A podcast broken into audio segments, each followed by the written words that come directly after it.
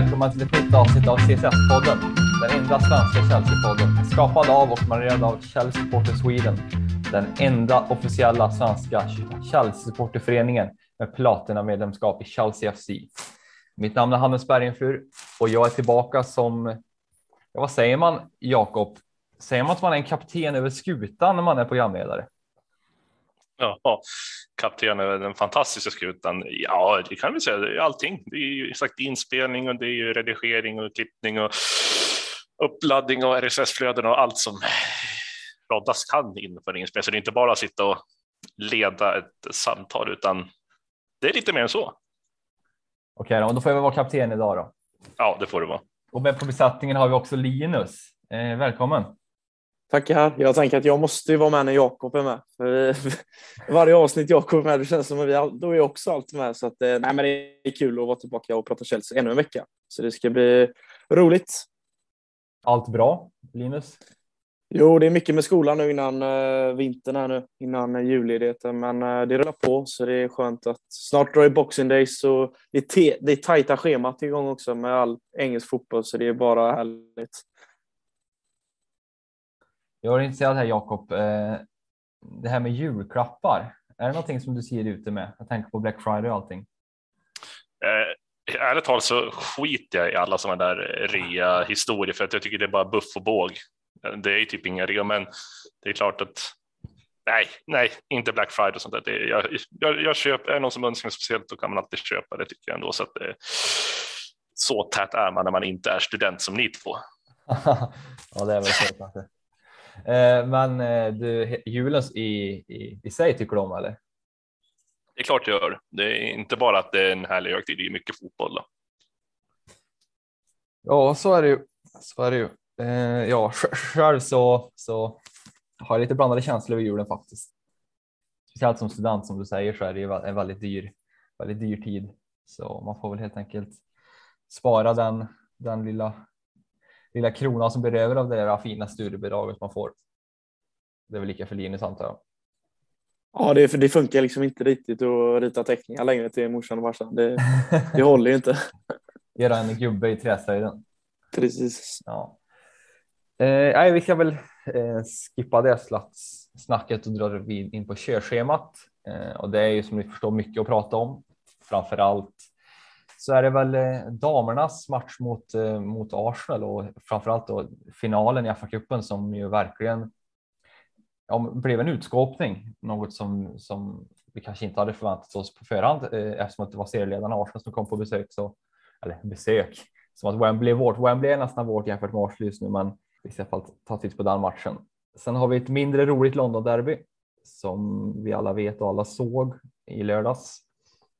Som också ska ta tag i och sen är det två matcher som väntar den här veckan. Det är tätt spelschema just nu så det är både Zenit, de, eh, de ryska representanterna i årets Champions League och, och Leeds som vi ska prata ner. Så mer än så tror jag inte vi hinner idag. Det är fyra matcher, eh, två i det, två i det förflutna och två i framtiden.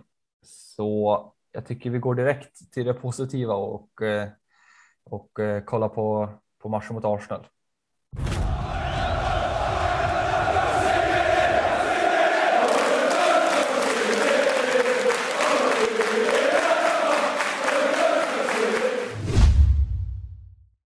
Jakob. Mm. 3-0 och enligt Sam Kerr så skulle ha stått 5-0 efter en halvlek. En fantastisk insats, eller hur? Ja, alltså matchen i sig var, jag tyckte att Chelsea gjorde det här fruktansvärt bra och på förhand så var det ju liksom, det var inte skrivet att eh, det skulle gå med en 3-0 vinst i slutändan. Eh, men Arsenal är ett bra lag nu för tillfället och de har jobbat på det en längre tid. Eh, vilket vi såg när vi mötte dem i ligan till exempel och där försökte ju till och med Arsenal att använda samma taktik de hade mot oss i ligan. Men där var Emma Hayes strået vassare än sin motpart på Arsenal-sidan. Och eh, man kan säga att Arsenal var inte beredda på det Chelsea erbjöd den här dagen. Nej, men det känns som att ett Arsenal som är ligaledare, men det blir en annan kvalitet när Chelsea kommer givetvis. Eh, och något som jag såg framförallt som, som utmärkte skillnaden mellan lagen var ju snabbheten, eh, framförallt djupledsspelet med Kirby och Kerr. Håller du med där Linus att det var individuell kvalitet eller liksom var det systematiskt, systematisk taktik som gjorde att vi, att vi, att vi vann så pass stort? Jag tyckte egentligen att de tog, tog tag i matchen från start och som sagt, eh, som de själva säger, att det kunde lika väl stått 5-0 i halvlek. Eh, och det var ju en fantastisk fotboll vi bjöd på, så det var otroligt kul eh, att kolla på. Och jag som inte brukar se damlaget så mycket så var det extra kul att få se en final på Wembley och att vi givetvis vann. Så var det, nej, men det var en övertygande seger och det kändes som att den taktiska biten satt från start och det såg man ganska tydligt att tog tag i matchen från start och eh, styrde den hela vägen in i mål så att det var en välförtjänt titel tycker jag. Ja, och det var ju faktiskt för eftersom att den här finalen räknades till förra säsongen så var det den fjärde inhemska titeln på en säsong. Alltså en kvadruppel av Emma Hayes eh, medräknat Community Shield, Continental Cup och ligan då i fjol. Är det, det såklart, det känns ju som att det är den bästa upplagan av Chelseas damer någonsin. Men är det rent av den bästa i England? Det, Jakob, har du koll på om det finns någon motsvarighet till det här laget vi bevittnar just nu? Om du tänker i England bara? Eh... Ja, ja, men England för Barcelona har fortfarande ett steg över tänker jag. Jo, men sagt de enda som är som ett större hot mot just Chelsea är ju Arsenal eh, som jag ser just nu. Eh, och lite som Sofia var inne på tidigare är ju också att det har varit inne på att eh, West Ham och Tottenham eh, och likaså City United, att de där lagen kommer att komma. De har ju sagt spelat åtta matcher i ligan. Så, eh, men just för tillfället så tror jag nog att Chelsea är det laget som är bäst just nu. Det skiljer bara en poäng mellan Chelsea och Arsenal i ligan dock, men jag kan inte se att något annat lag spelar bättre och roligare fotboll för tillfället. Och vad är det som gör oss bäst i ligan då, Linus? Jag skulle ändå säga att det är både bredden offensivt och defensivt att göra att det är så mycket kvalitet på alla positioner och att den här konkurrenssituationen ska ju vara ett topplag och det är ju exakt det de har. Så att jag tror det är en stor faktor till framgången att man ständigt har en press på sig, måste leverera, vilket gör att man utvecklas för sig själv och även konkurrenten att man blir bättre och laget blir bättre när man presterar och när resultaten kommer också så är det tydligen tecken på att saker och ting fungerar och eh, Emma Hayes verkar ju ha fått ordning på det här laget. Och eh, nej, men det, det, är extremt roligt och att den engelska damfotbollen också växer. Att publiken, att det blir mer och mer publik på matcherna och, och att det blir mer lag där uppe i toppen som slåss också och blir lite bättre så att det blir jämnare i toppdelen av tabellen. Så det, det är bara roligt att, att se. Nu får ni rätta mig om jag har fel. Men i min åsikt så är det två saker som gör oss till ja, i alla fall ligans bästa lag just nu. Och det är två personer. Och det är Sam Kerr och Emma Hayes. Vi börjar med Hayes. Det känns som att hon skulle kunna ta en mängd lag i, ja, i, i manliga Premier League där det självklart är en annan fotboll, liksom det går snabbare och allting. Men den auktoriteten och den taktiska förmågan är ju. Ja, det känns som hon har en, en speciell talang där. Jakob, håller du med? Absolut, och jag menar så länge som hon även har varit i klubben också sedan 2012 så och det har liksom egentligen inte, inte funnits något dåligt år för henne heller sedan hon har tagit över. Det lite skak i början, kanske första två, tre åren, att det inte varit så fruktansvärt mycket, men eh, det här visar ju bara också genom att ge en tränare förtroende eh, så kan det löna sig i slutändan. Eh, och jag tänkte också mest nu senast mot Arsenal, så att Emma Hayes hon var ju assisterande i Arsenals damer innan hon kom till Chelsea. Med något år i USA då givetvis. Men eh, ja, hennes roll i det hela, det, hon är ju så fruktansvärt viktig för inte bara damerna utan hela föreningen i stora hela. Och eh, det är inte mångt om att hon ryktades ta över, om ni kommer ihåg det ryktet som var lite löst om en nypa salt, att Emma Hayes var på väg att hon skulle vara ledare, eller interimtränare för Chelsea när, jag tror det var när Mourinho fick sparken eh, sist. Då tror jag att Emma Hayes var på tapeten att ta in som interimtränare. Eh, Dock tror jag att problemet där är fortfarande att det finns eh, slipsnissar i förbund och liknande som inte klar, skulle klara av att se en kvinna leda ett manligt lag, vilket jag tycker är jättetråkigt för att jag tror att en sån grej hade kunnat gjort mycket för fotbollen i stora hela och det som fotbollen står för. Det var faktiskt min nästa fråga. Det var kul att du kommer in på det. Marina Granovska är ju en, är ju en person och en, en ledare i klubben som, är, som inte är rädd för att ta eh, kontroversiella beslut. Mm. Nu är vi jättenöjda med, med Tursel såklart och vi vill ha kvar han eh, över en ganska lång framtid. Men tror, tror du att eh, Marina Granovska kan utse Hayes till en, till en tränare för, för, ett här, för herrlaget? Det, det, det, möjligheterna finns ju absolut. Eh, och jag hade ju om någon tyckt att det hade varit jättehäftigt om det blev så. Men som sagt, det som talar emot är ju fortfarande de här äldre gubbarna som sitter både på FA och även inom Chelseas organisation. Eh, däremot tror jag att också Marina, det är, jag tror det är tur att vi har henne för att hon, är, hon verkar ha väldigt mycket skinn på näsan. Så att, men skulle den dagen komma, vilket vi inte hoppas på så sätt att Tuchel får sparken av någon dålig period, utan vi hoppas givetvis att Tuchel ska vara kvar så länge som möjligt och det ska gå bra. Men i framtiden, ja, jag vet inte. Hon är ju bara 45 år så att hon har ju i alla fall en 20-30 år kvar som tränare om hon skulle vilja. Ja, det vore ju hemskt coolt eh, om, hon, om, om vi var klubben som bröt. Vi har redan fotbollsvärldens mäktigaste kvinna i Granovska så får vi kanske nummer två då. Om hon skulle, kanske, det är långt dit, men om hon skulle få, få, få en sån en, roll. Jag tänker att spontant, det finns ju även roller i, i, i resten av ledningen, den sportsliga ledningen i herrlaget som ju är större då sett till nu vet jag inte vad hon tjänar så där, men som ser liksom större ut. Eh, tror att det skulle vara aktuellt för en Linus eller kanske rent av en Championship-klubb?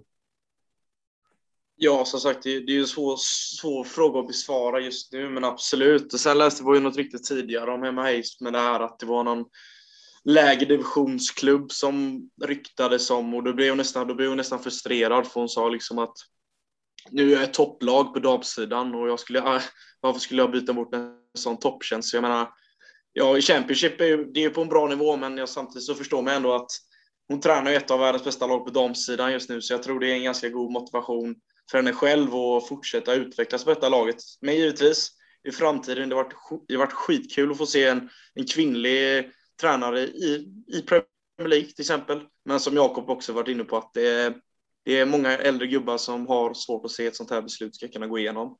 Och ehm, vem vet, någon gång kanske i framtiden, men just nu så ser det lite svårt ut om vi kollar på de närmsta åren framöver här. Vad är nästa, nästa uppgift då för Hayes? Tror ni att hon kommer vara kvar i klubben eh, i ganska överskådlig framtid eller siktar han någonstans tror ni? Kanske ett engelskt landslag eller, eller liknande?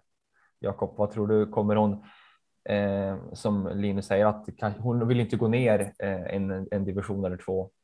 Men kanske det man måste göra också för att eh, för att eh, nå större uppdrag liksom.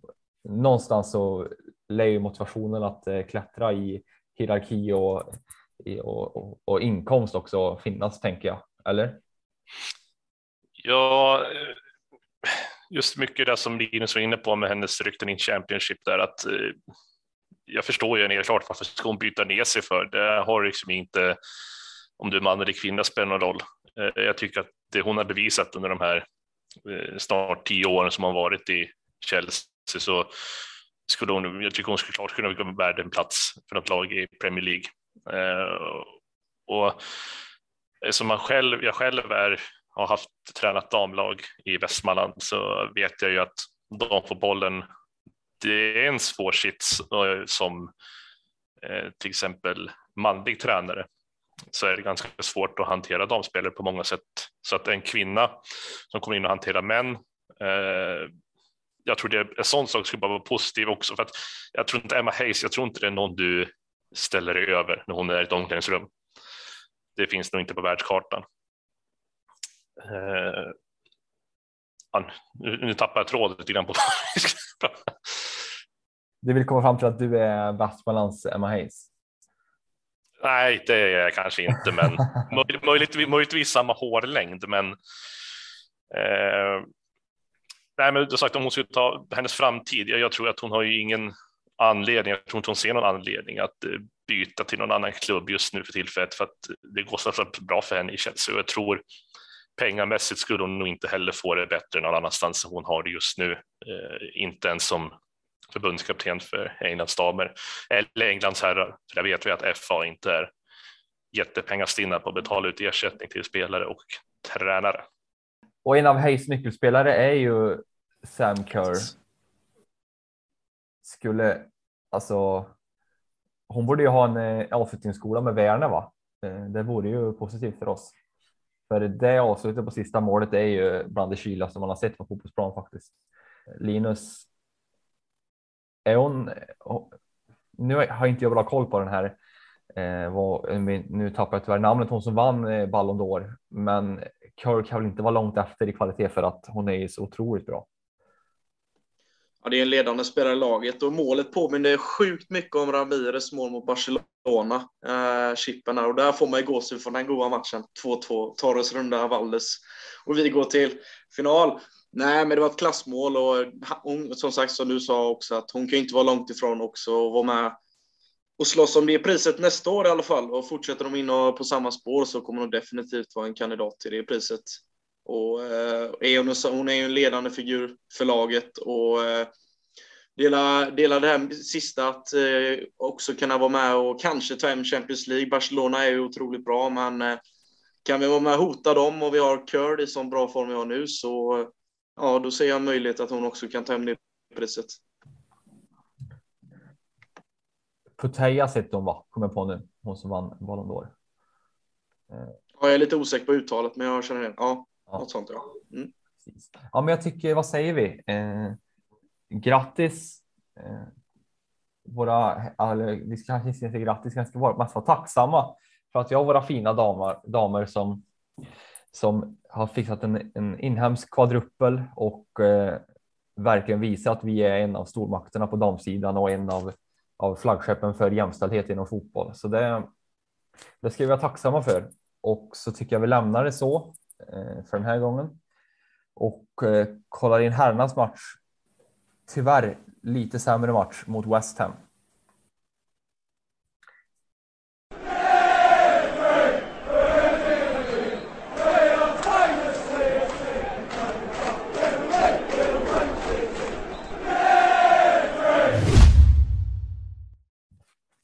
Vi börjar med att ta ledningen mot West Ham. Men sen så kommer världens tredje bästa fotbollsspelare och slår ett hemplats i Mendy. Och då skiter det sig, Jakob. Eh, för det första, vad gör Jogge? Och för det andra, varför rensar inte bara Mendy? Ja du, om man hade svaret på den frågan så skulle jag nog kunna svara väldigt fort och konstruktivt här. Men eh, ja, vad ska vi gå in på? Alltså, jag, det Jogge gör där, det, den hemåtpassen är ju helt horribel. Eh, och det är inte första gången han gör en sån där grej heller. Eh, och, ja, precis, och inte minst ett bolltapp. Jag tänkte på eh, senast mot United också. Eh, ett bolltapp i ett sådant eh, drastiskt skede. Och sen det att jag bara noterade också att eh, Mendy fick oförtjänt mycket skit av eh, både journalister och kommentatorer under matchen, men det var ingen som egentligen ifrågasatte eh, Jogges tillbakapass, vilket jag tycker var väldigt märkligt. Visst att Mendy, han får, han egentligen, där ska han bara skicka iväg bollen, alternativt att han ska inte göra den där extra touchen som eh, gör så att bollen löper ifrån honom en bit. Men han gör ju det han måste göra, han försöker rädda upp situationen.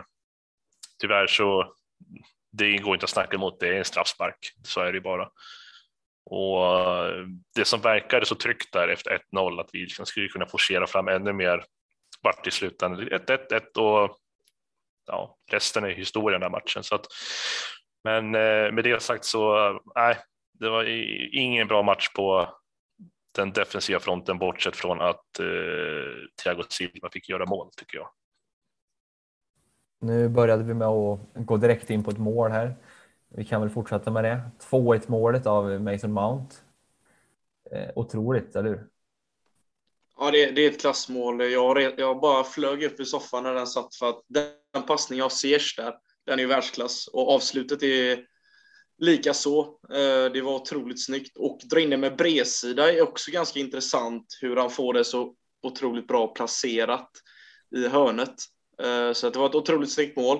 Och därefter kände jag fortfarande att Chelsea hade koll på matchen, men man vet ju att West Ham är ju luriga på hemmaplan och man vet ju, gör West Ham mål och får med sig publiken i ryggen, då känns det nästan som att det är publiken som bär laget framåt och då blir det otroligt tufft att kunna stå emot eh, West Hams tryck som ofta blir på eh, London Stadium.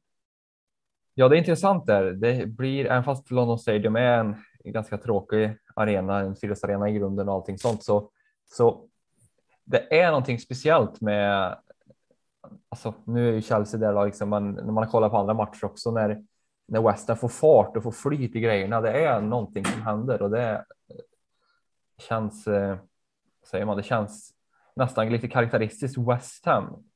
Jakob, liksom, de har ju Solcheck och Rice som Rice är en fantastisk match.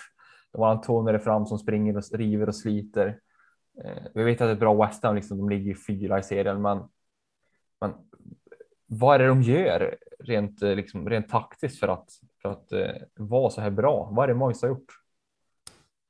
Jag tror det först och främst det Moise har gjort det är att han har fått ihop ett kollektiv med West Ham, att han har fått laget att ställa upp för varandra. Uh, och, och, det är klart man ska, man ska inte prisa rivaler på det sättet, men det arbete som Moise har lagt ner på West Ham, eh, inte minst deras eh, försvarsspel, eller deras, när man ser när försvaret håller, har bollen, eh, där vi vet att West Ham har varit eh, väldigt sugna på att skicka iväg bollarna upp över på andra sidan planhalvan. Så där har ju Mois fått till en eh, viktig kugge och inte minst med att det är plockat in eh, Zuma eh, som för övrigt jag tyckte gjorde en väldigt bra match mot oss. Eh, han blev lite småskadad och fick bytas ut, vilket givetvis alltid tråkigt att se för att eh, oavsett om man spelar i West Ham jag så kommer jag alltid hysa stor respekt och känsla för Kurt Zuma av det han har gjort för oss. Det håller jag helt med. Dina allmänna match, matchtankar Linus? Ja, det var ju på förhand så visste man att det skulle bli en svår match och eh, i förra veckans podd så sa jag 2-2 och det var ju så länge jag trodde att när det stod 2-2 att det skulle hålla i sig. Men eh, på något sätt får ju Masuaku in den här 3-2 bollen och där så dör ju lite matchen och eftersom det är så kort tid kvar så blir det så tufft att komma ikapp. Men eh, vi, gör ju våra, vi sätter ju oss själva i skiten den här matchen tycker jag och vi, vi får in West Ham på ett sätt i matchen som vi inte egentligen behöver. För vi, jag tycker vi tar, vi tar, tar kommando ganska tidigt i matchen, men som sagt, eh, misstaget vi gör med straffen gör ju så att West Ham känner att de är med i matchen. Och sen eh, kvitterar Bowen i andra halvlek och eh, sen är ju 3-2 bara ett jävla skitmål, om man ska säga så. Men eh, Ja, otroligt tung eh, förlust på bortaplan och eh, det hade varit viktigt att få med sig poäng i den här matchen beror tanke på eh, topptrion där uppe då. Men eh, nu är läget som det är och vi får blicka framåt mot nästa Premier League-match. Men eh, otroligt tungt poängtapp. Det känns ju som att om vi hade tagit den här trean att det hade blivit tre lag som liksom har druckit ifrån tillsammans. Nu är det lite så ändå. Men det har blivit en otrolig distans mellan eh, trean och fyran och det hade varit skönt. Så, så jag håller med där att det var extremt eh, snöpligt klart. Alla förluster är snöpliga, men, men eh, jag tycker inte att vi, vi kan inte släppa det här med Mendy. Visst, håller ni med om det kändes som att första misstaget eh, för, för, vad säger man? Nu tappar jag ordet, eh, låg till grund för att han gjorde det andra misstaget också. För jag tycker att det är misstag på 3-2 målet.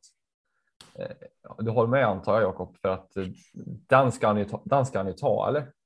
Ja, det här var Mendys eh, jobbigt att säga det, men det här var hans eh, sämsta match han har gjort i Chelsea-tröjan faktiskt.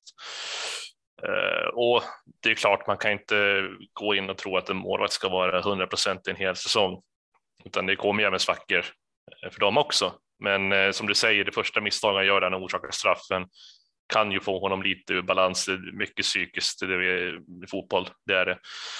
Och det där kan ju ligga och gnaga honom givetvis att han har orsakat straffen och placeringen han har där vid 3-2 målet, att han ser ju bollen komma. Men eh, väljer av någon anledning att gå dit på tok för sent. Eh, varför vet jag inte. Han är ju med, han är ju beredd på att det ska komma ett, ett inlägg. Men eh, ja, det är svag insats och som poäng till den är ju att jag brukar titta på Skys eh, betygssättning på spelare efter matcher. Väldigt intressant att veta och där liksom eh, Mendy, han har lika högt betyg som Lukaku hade så att det bevisar lite grann på att det varken egentligen inte funkade så bra bakåt och inte heller så bra framåt trots förändringarna som Tuchel valde att göra. Nej, men precis. Eh, Lukaku blir inbytt och eh, det var ju inget superinhopp om man säger så. Eh, man har haft i alla fall eh, lite, lite minuter i benen. Hoppas vi att det kan bygga på det framöver för att vi behöver en Lukaku i form. Det är ju sådana här matcher, tajta matcher, man behöver en anfallare som går fram och gör 3-2 för de är 3-2. Eh, och det saknar vi den här matchen eh, utan tvekan. Men vad tycker du egentligen om bytena som Thomas gjorde här? Kan man ifrågasätta matchcoacheriet någonting? Alltså, grundtanken bakom bytena tycker jag är absolut. Jag skulle nog gjort samma sak där. Eh, men kanske inte bytt ut just Havertz eh, mot Lukaku utan kanske skulle ha satsat på att plocka ut eh, en Jorginho och sen flytta, flytta upp Lukaku. Eller så låta Lukaku och Havertz vara på topp där. Men vi fick ju en offensiv trio på slutet. Han malde in det vi hade egentligen. Däremot så hade vi kanske sett Werner istället för en Pulisic till exempel i 73 när han kom in istället för Alonso. Och Alonso för övrigt som fortfarande går har kräftgång, går väldigt tungt för han. Och eh, det, det, det är det här vi egentligen nu kanske kommer få se nu fram till januari åtminstone. Jag eh, vet inte exakt hur länge Chilwell skulle vara borta, kanske någon av er som har koll på det. Nej, jag har faktiskt ingen koll. Linus, har du koll på Chilwells skadeläge? Det är inte ännu fastspikat hur länge, eh, för de skulle ta någon ytterligare kontroll här om några veckor, men sen kommer de ytterligare göra en ny bedömning då. Men eh, det är som sagt inte spikat hur långt det totalt sett kommer bli. Hur länge han blir borta helt enkelt. Han är väl kanske fast i vårdkön då. Man vet ju aldrig. och som jag sagt, är det en knäskada också då eh, och de ska göra, att det tar så här lång tid att bedöma det, då kan det oftast tyvärr vara någonting mer allvarligare än bara en liten smäll mot knät så att säga. Ja, alltså om det är januari så är jag nöjd med det. det det, det, får man ta i så fall. Jag tror vi tyvärr kommer få räkna bort den en längre tid faktiskt, dessvärre. Ja, ja det, det sög ju. Men nu är det så, och som du säger, eh, det är nu det är dags för Alonso att steppa precis som jag gjorde i början av säsongen, för att eh, vi behöver honom mer nu än någonsin tidigare nästan. Eh, om vi inte tar in någon då på, i januari, ja. det, är, det är många matcher kvar dit, men det är inte så många dagar kvar till januarifönstret. Eh, är det Jan Matsen eh, lösningen på det här kanske? Linus, eller ska vi bara köra på och få Rasmus Kueta att köra vänster, och vänster wingback ifall det behövs? Eller vi har ju Loftus, eller Hudson Odoi också som klarar av det. Uh, Torshäll har hintat om att han vill testa Sol i den här positionen. Uh, det har han även varit inne på på presskonferensen sedan tidigare också, att, att han kan vara på den eh, positionen där Alonso och Chilwell vanligtvis spelar. Och under dagens presskonferens så hintar han även om det att det är, ju, det är dags nu även för Sol att visa vad han går för. Liksom. Och om det blir en wingback-position imorgon, det vet jag inte.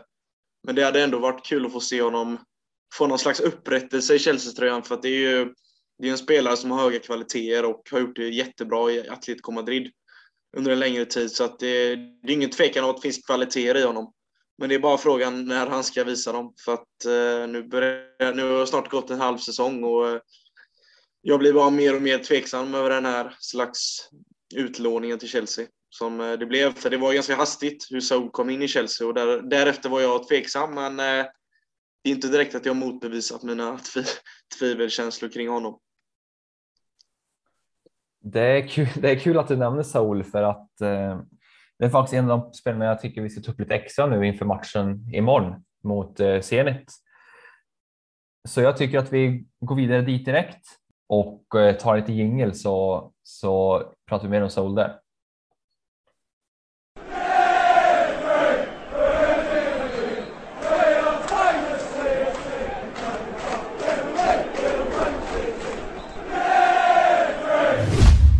Med skadeläget jag har just nu så lär väl Soul starta på mitten med Loftus Cheek. Det lär väl bli samma mittfält eh, som mot Watford. Och där kommer vi undan med nöd och näppe och tar tre poäng. Och nu möter vi i mitt tycke ett bättre Zenit än vad Watford är. Eh, Jakob, är du orolig inför imorgon? Alltså åka till Ryssland och till eh, Sankt Petersburg Stadium, det är inte så jäkla kul. Speciellt inte när det verkligen är den här som klassiska rysskylan där borta just nu. Så är det inte världens mest attraktiva plats att vara och spela fotboll på. Men eh, eh sagt Zenit, de ångar på som tåget i ligan och gjorde väl en halvdan match mot Malmö sist i Champions League. Så att eh, det är klart att det finns alltid en liten oro när man spelar borta matcher på kontinenten. Och vi ska nog inte gå in och tro att den här, att vi har det här som en liten ask, utan vi vann ju bara med 1-0 hemma mot Zenit i första mötet. Och eh, vet jag, alltså Zenit har ju eh, Claudinho och Malcolm på kanterna som är väldigt vassa, har speed och har vi en Alonso där på kanten för våran del kan bli ett tufft läge om man eh, får ställas mot en Malcolm till exempel. Så att, ja, nej, vi ska väl inte räkna hem den helt och hållet, men eh, givetvis får vi hoppas på det bästa så att vi kan få gruppsegern såklart. Malcolm, är det samma Malcolm som gick från Bordeaux till Barca för några år sedan? Det är det, säger Linus nickande, för det hade jag ingen jättestor koll på. Linus. det var ingen, ingen, ingen jättesuccé i Barcelona i alla fall, men han har väl varit ganska bra för, för Zenit i. Ja, Okej okay, i alla fall. Ja, men det var ju bättre, bättre klubb för han att hamna i om vi ser efter. Malcolm var ju, alltså, det var ju ett, ett eftertraktad spelare, det kom, minns jag nu när vi pratar om honom. Så, så att, och eh, det är inte jättelätt att ta steget till en klubb som Barcelona alltid heller, utan eh, jag tyckte han, det han gör i Zenit nu, det han har gjort i Zenit, det han har gjort det bra. Så att, ja. Men han är fortfarande han är farlig, han är vass, så att vi, det kan bli jobbigt för Alonso. Brassarna tycker om den ryska kylan, är väl så. Så det är kanske. Eh, jag tänker att vi ska fortsätta Jakob för jag vet att du har kollat lite närmare på förutsättningarna i Zenit Sankt Petersburg. Vad, hur ser det ut? Jag antar att det är eh, ja, Juba på topp, men eh, eh, hur ser resten av laget ut? Man kan egentligen räkna hem att lag kommer se i princip likadant ut som de har gjort senaste matcherna, för de har inte gjort några riktigt större förändringar. Eh, som du säger, Juba på topp. Det är de enda som stora förändringar som är, Eh, det är ju, vad heter Kistjakov, mittbacken som varit utvisad mot Malmö sist, han kommer inte medverka. Så där kan vi ha en liten fördel om vi till exempel startar med Lukaku. Eh, givetvis, jag hade ju hoppats på att starta med både Lukaku och Werner den matchen, men det får man väl drömma om. Eh, och sen är det såklart alltid eh, gamla Liverpool, mittbacksgeneralen Dejan Lovren, men eh, han ska väl inte vara så svårt att runda. Han har väl inte speeden direkt, men han är fortfarande en eh, stabil mittback. Eh, och sen är det Karavev på högerbacken är också, tycker jag, en, en spelare som jag egentligen har fastnat för en längre tid. Eh, jag, jag, gillar hans spelstil och även Rakitski på vänsterkanten. Så att, och inte Rakitski var han som gjorde mål mot Malmö bland annat. Men eh, i det stora hela, Tuba på topp där, han eh, jag tror inte det ska vara något bekymmer för eh, om vi har Silva och en Rydger Rydiger i mittlåset där längst bak hos oss. Jag tror de kommer hantera den ganska bra. Det är, däremot i kanterna är jag orolig för. Det är där jag tror att det mesta spelet kommer ske och det märkte vi även i första matchen att de använde kanterna väldigt mycket för att det var där de såg då att vi var det svagare kortet så att säga. Linus, jag vet att du har skrivit en, en, en bra inför inför den här matchen. Vad, vad har du att säga om, om ja, framförallt då, börja, till att börja med Zenits, eh, ja, vad har de för ingångs, ingångsvärde i den här matchen? Vad, liksom, vad spelar de för? Är det ett motiverat Zenit vi kommer möta? Ja, mycket det har varit Jakob varit inne på tidigare med vilka spelare som utmärker sig, men sen tycker jag även att nummer åttan, eh, Wendel, som är den offensiva mittfältaren, är också otroligt skicklig i sin position på att fördela boll både till Djuba och till kanterna.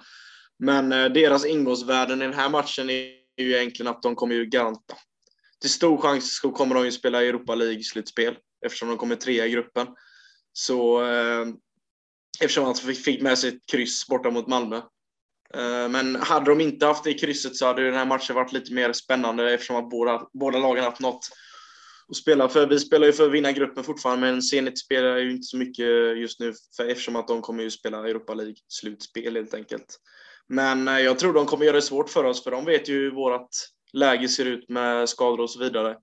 Så det kommer bli en tuff match och, eh, och kantspelet kommer bli en avgörande del i deras eh, spel och där måste vi se upp för Alonso kommer ju få jobba och vi måste sätta det defensiva och Zuba är ju otroligt lång så han kommer ju stångas med våra backar där bak så vi kommer få en tuff match och sen kommer det vara 13-14 minusgrader.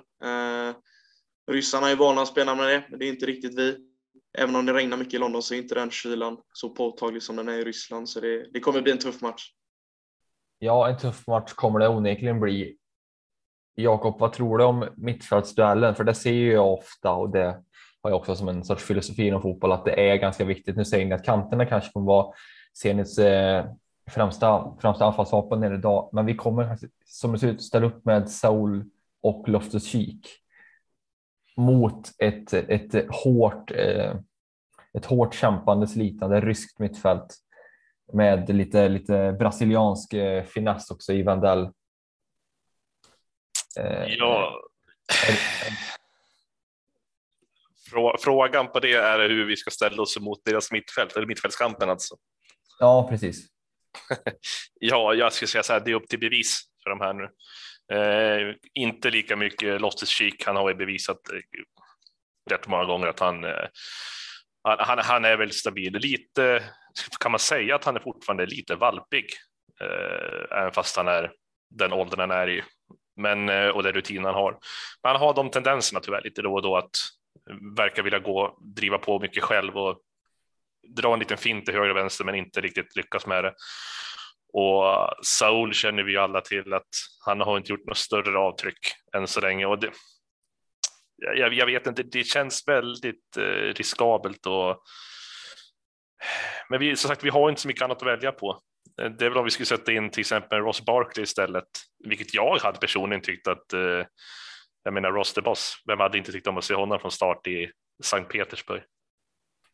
Vad, vad tror ni om att eh, flytta ner Mount lite grann eh, och köra en, en trea med, med Werner Lukaku framför?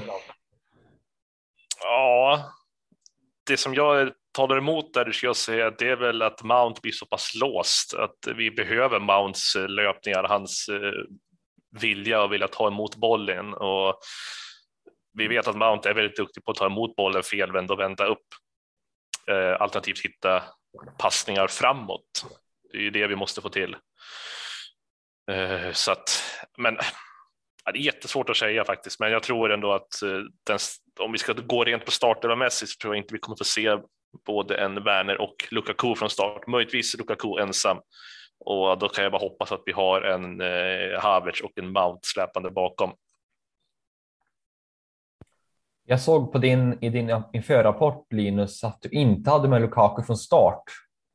Eh, vad, är, det liksom, är det källor som säger det eller är det någonting bara du tror? Att han kommer börja på, på kvisten den här matchen också? Som sagt, den här elvan var otroligt svår att ta ut på förhand, men jag tog Werner mycket för att Tuchel har varit inne på det också, att han är inte helt 100% igen. Och man vet ju själv hur Tuchel har gjort när spelare varit skadade. Och speciellt med Lukaku som har matchat ordentligt från EM och egentligen framåt. Och från förra säsongen egentligen med Inter också. Spelar otroligt mycket och det har ju slitit på honom. Och, och sen till slut kom ju skadan så att eh, jag tror att han kommer börja från bänken och sen komma in eh, andra halvlek. Men eh, det är en ren liten analys som jag gjort beroende på lite tidigare matcher och eh, att man inte vill åka på någon skada här nu igen på Lukaku. Så jag tror att det blir Werner på topp eftersom även Havertz fick gå av senast mot West Ham. Så eh, därför tror jag att det blir Werner från start. Men eh, det kan lika väl bli Lukaku. Men det är därför jag tror att det blir någonting i det liknande som jag har satt ut som den troliga elvan helt enkelt. Ja, hur ser den elvan ut då Linus? Vad, vad tror du? Jag antar fortsatt har Mendy i målet då, men eh, det finns ju del att välja på i backlinjen, framförallt på mitten. Jag tror du kommer starta? Precis. Eh, jag tror att det blir ett lag som ser ut att det blir Mendy, Christensen, Silva, Rudiger.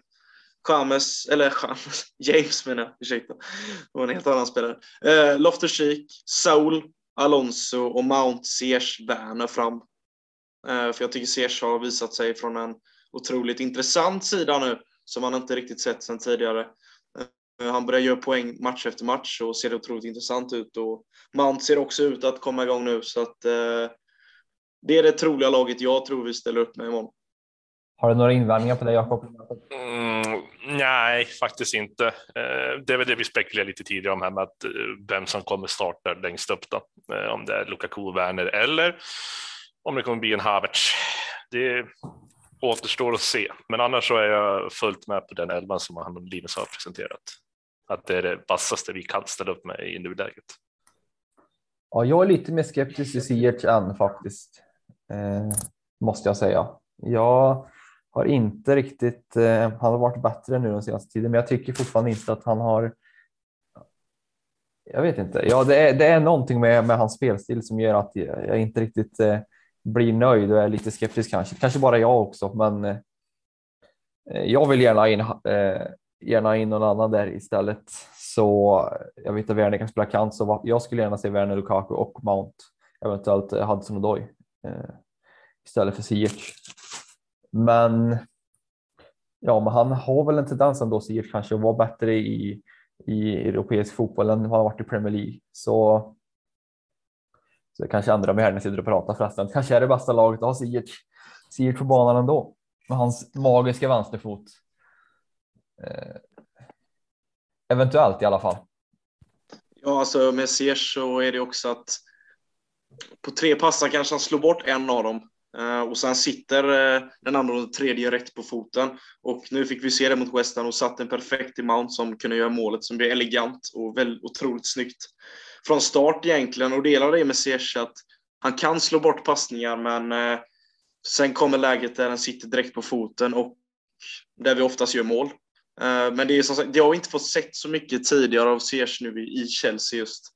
Men eh, det börjar ju likna någonting de senaste matcherna, att eh, passningarna börjar sitta mer på spelare och han börjar känna sig mer bekväm i uppställningen och eh, under Torshälls ledning och tak taktiska taktiska delarna. Så jag tror att eh, desto mer han får spela, desto mer bekväm kommer han bli och desto mer poäng kommer det bli. Ja, vi får hoppas på det i alla fall. Zenit då? Jakob, hur, hur hur spelar de? Eh, jag har inte jättebra koll på Zenit mer än matchen, matchen på Stamford Bridge.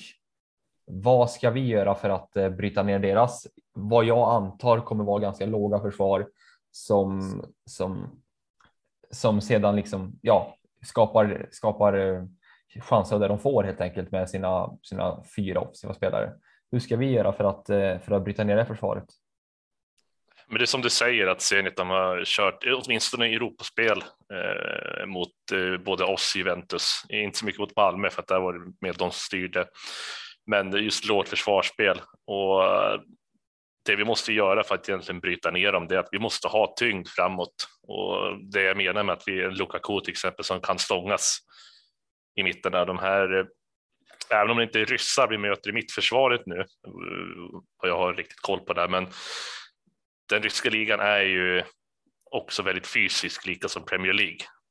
Och eh, det visar att Havertz, han, eh, han har längden, men han har inte, det går inte att jämföra fysiken mot Lukaku till exempel. Så att, kör de ett lågt, lågt försvarsspel och tycker att vi, eh, vi ska spela på som vi gjorde sen mot United.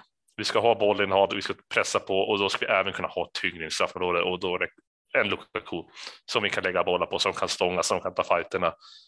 För det är där vi har eh, fallit många gånger tidigare också, att vi inte har den här sista punkten i straffområdet. Det finns inte någon med den digniteten, den storleken som kan trycka bort eh, motståndarnas försvar. Så du säger alltså att eh, nyckeln till seger är att den som vi tror kommer på bänken kommer att spela? Nu, nu hackar det för mig, vad sa du? Du säger alltså att eh, nyckeln till seger är en spelare som vi tror kommer börja på bänken. Ja, ni tror jag, inte jag. Okay. Nej, men det, det, det är ju så. Om man tittar på de matcherna som Lukaku inte har varit med nu eh, så det märks ju att vi, som jag var inne på, att man saknar den här den sista punkten. Inne. Vi har inte den här riktiga urkraften där inne. Vi måste ha eh, någon som kan plöja fram som en ångvält, så som Lukaku har bevisat att han gjorde på till exempel mot Arsenal, om ni minns den underbara matchen.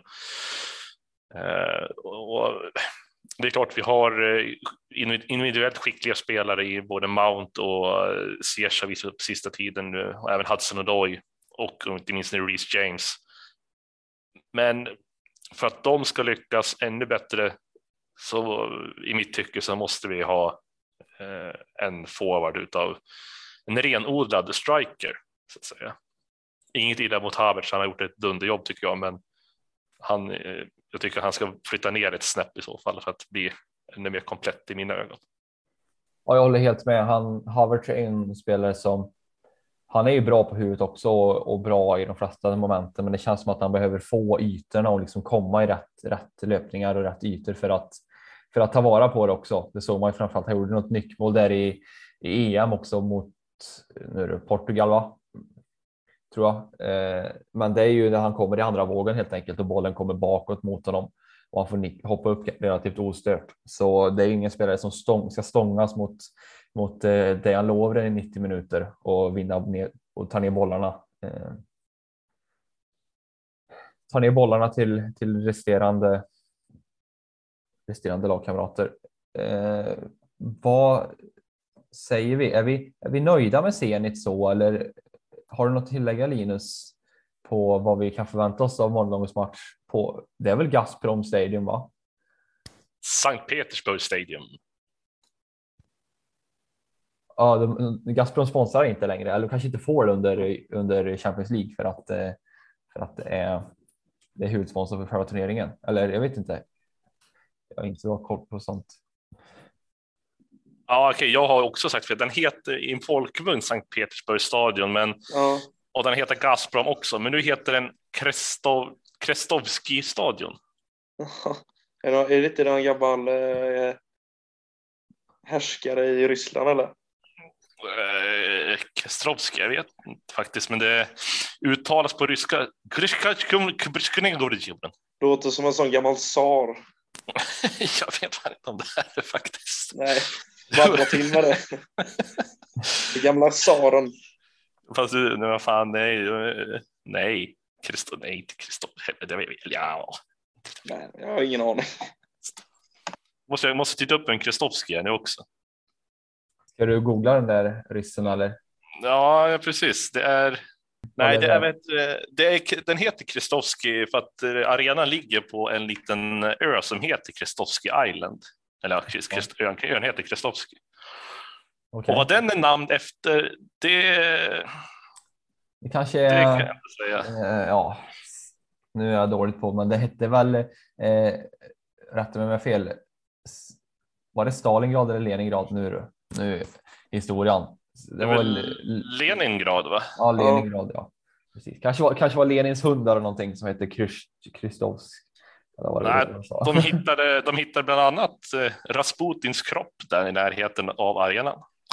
Okay. Det är ju sexig info ändå. Rasputin Stadium. Ja. ja.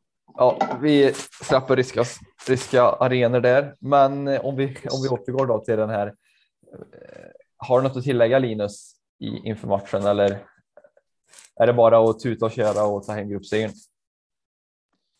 Jag tror som sagt att det kommer bli en jämn match, men vi kommer styra spelet. Så eh, skulle jag tippa ett slutresultat skulle jag säga 2-1 till oss. Vi kommer släppa in en mål på, på något sätt, men vi, vi kommer hålla undan och vinna den här matchen.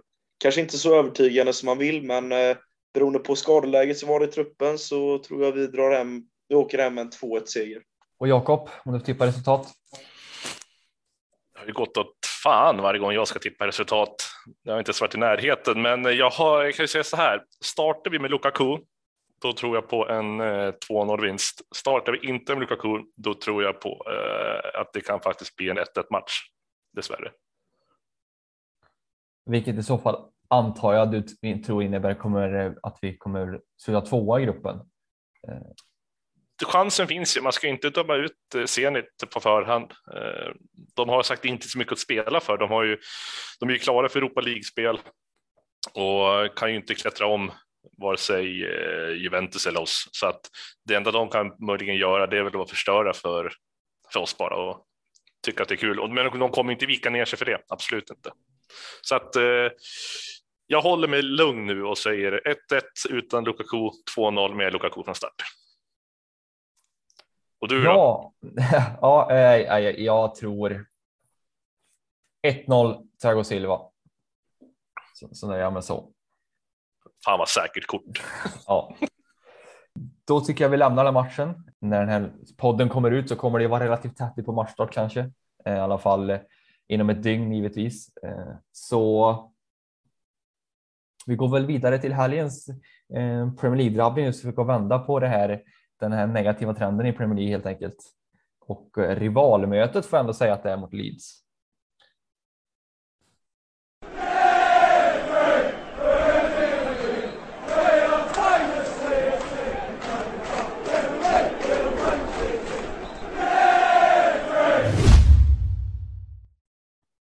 Och Leeds lyckades få 2-2 senast i, mot våra Londonkonkurrenter Brentford efter en sen kvittering av gamla Chelsea-bekantingen Bamford.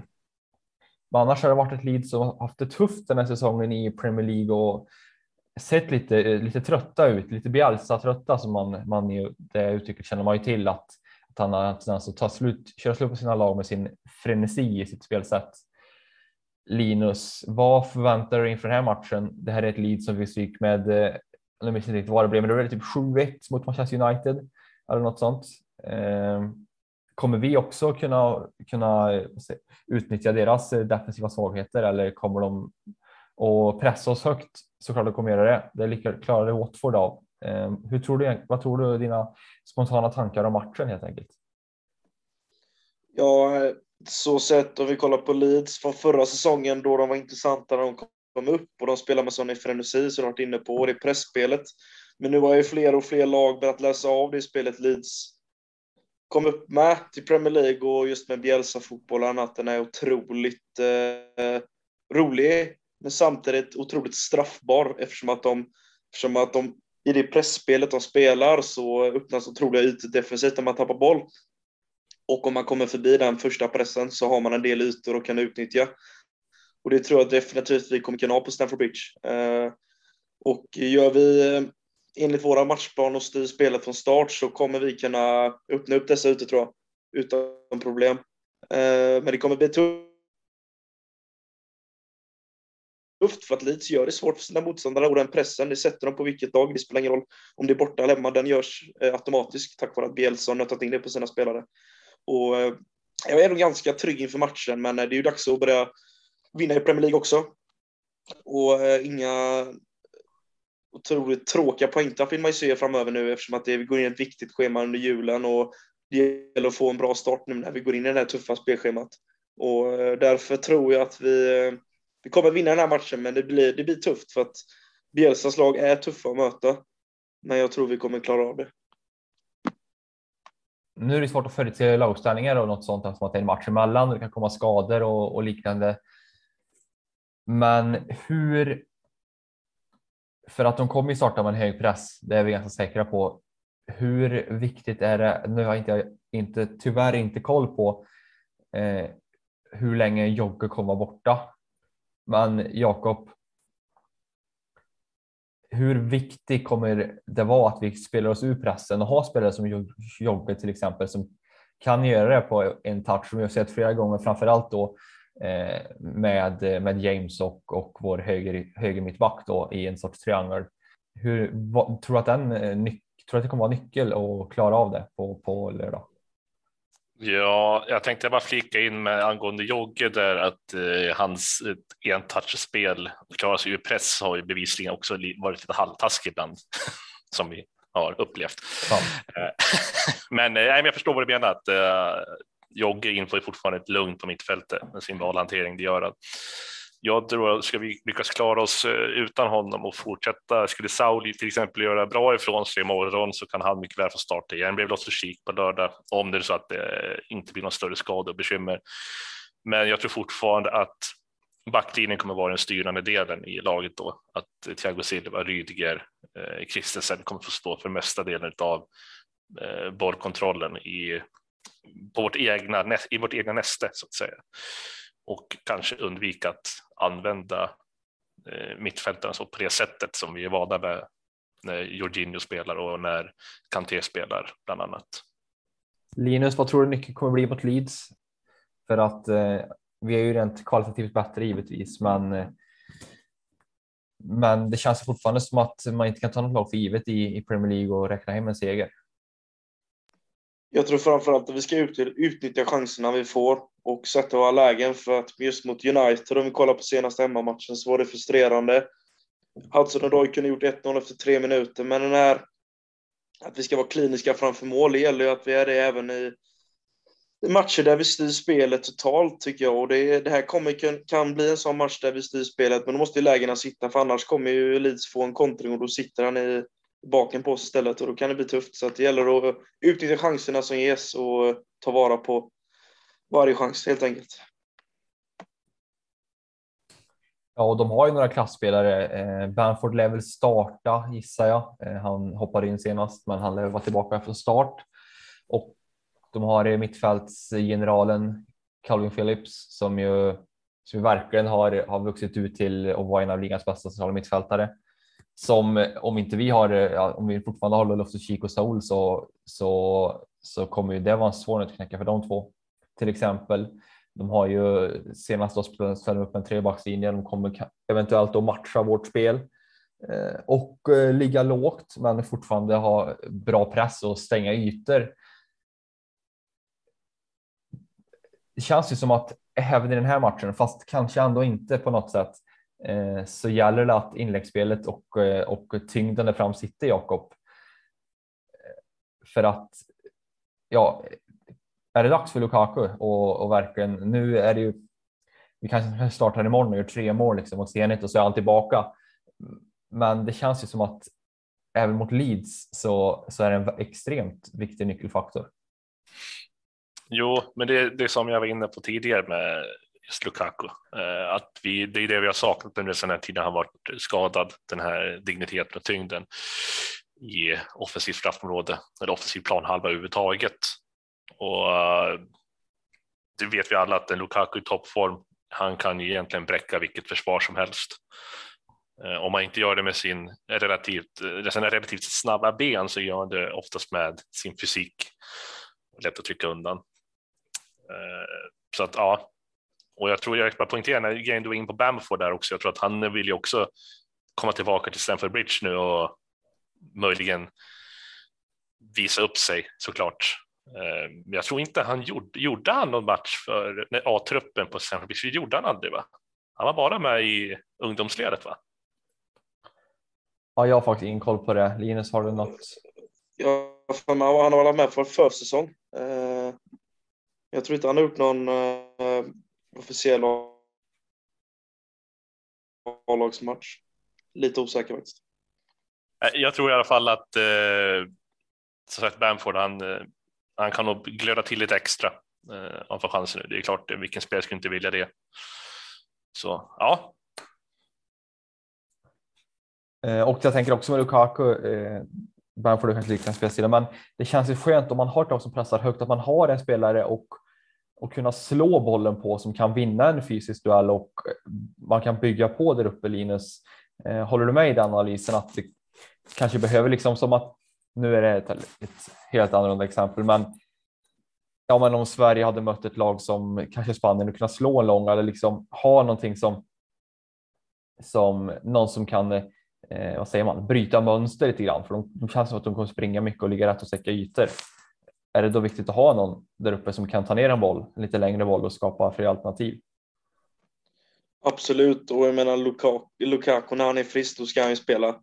Och det är en sån klassspelare. Det gäller bara att han får komma igång med målskyttet och få in lite mål och eh, fortsätta vara det hotet vi vill att han ska vara för oss. Och och jag vill absolut se han på eh, imorgon och till helgen mot Leeds. Och det är ju ett vapen vi kan använda, som du säger, med långa bollar och ta ner bollen och så laget kan så sätt flyttas upp. Och eh, en sån targetspelare, det är inte alla lag som har det i världen. Och det är ett fantastiskt eh, tillfälle att kunna nyttja honom mot just Leeds med det här pressspelet. Att snabba kontringar, även Lukaku är ju kvick i så sätt och därefter kan vi bygga upp spelet genom att ha en sån trygg uppspelspunkt eh, att ha Lukaku längst upp. Så att absolut, det skulle jag definitivt hålla med om.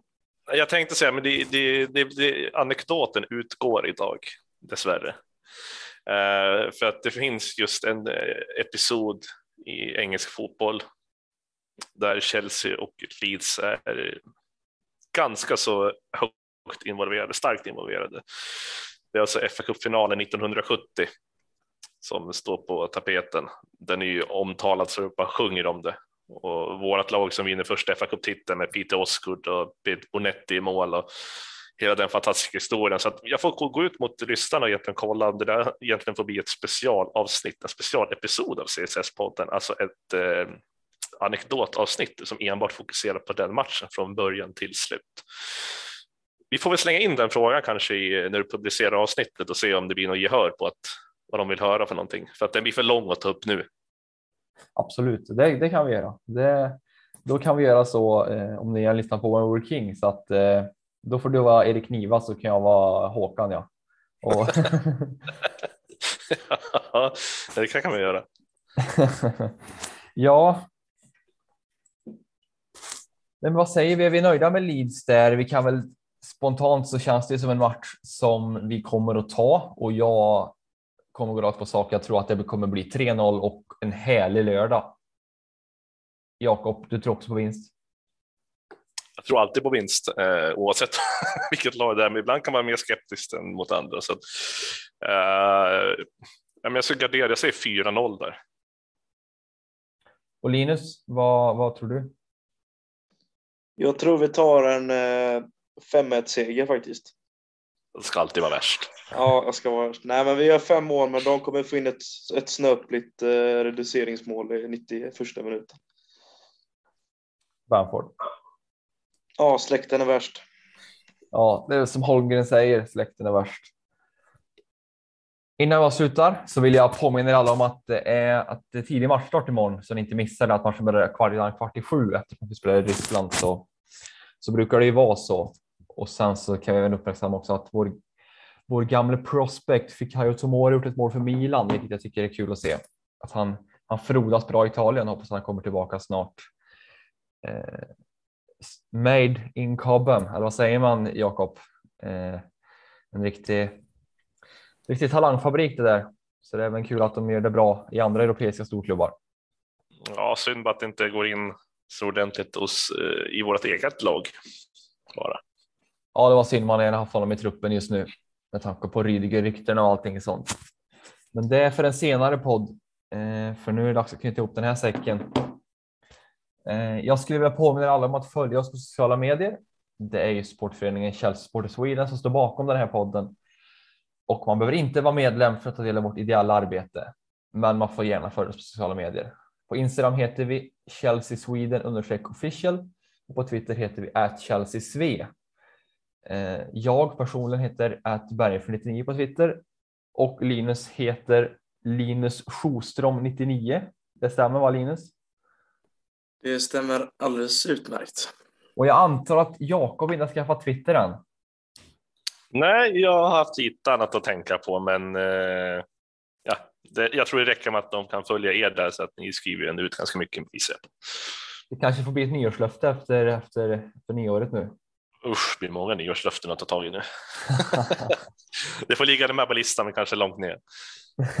okay. Ja, i övrigt rekommenderar jag er givetvis ett, ett besök på vår hemsida Svenska fans som alltså är www.svenskafans.com England Chelsea.